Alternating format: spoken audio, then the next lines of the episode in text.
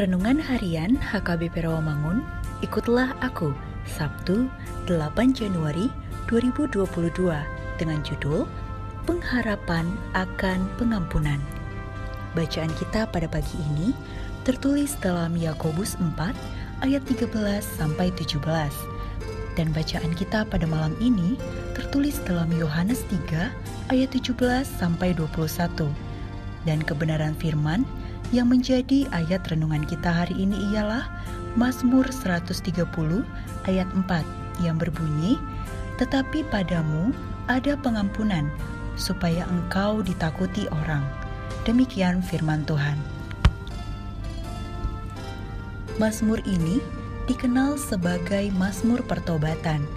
Semua kita yang hidup tidak seorang pun yang benar di hadapan Allah – seandainya Tuhan mengingat segala macam kesalahan kita dengan menempatkannya di hadapannya, maka kesalahan-kesalahan itu akan memisahkan kita, manusia, dengan Allah. Menghindari suara pendoa sampai ke telinga Tuhan dan menyebabkan manusia tenggelam dalam lautan kesia-siaan. Siapa yang dapat tahan berdiri tanpa goyah? Tidak ada, kecuali Tuhan sendiri menjauhkan pelanggaran dan membuka kesempatan agar orang kembali hidup di hadapannya. Tuhan itu baik, suka mengampuni, dan berlimpah kasih setia bagi semua orang yang berseru kepadanya.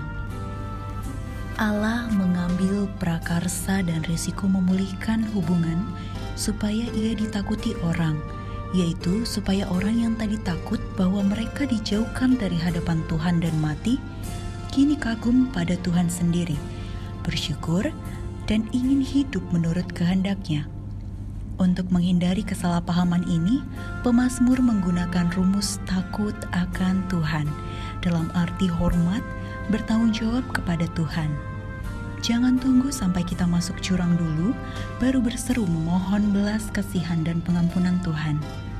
Jaga hati kita, jaga juga perbuatan kita Bila saat ini kita sedang berada dalam jurang penderitaan karena ulah dari perbuatan kita yang berdosa, biarlah nats renungan hari ini menjadi doa pengakuan dosa yang jujur di hadapan Tuhan. Mari kita berdoa. Tuhan, bukakan hati dan pikiran kami agar selalu menjauhkan segala yang dapat membuat kami berdosa. Amin.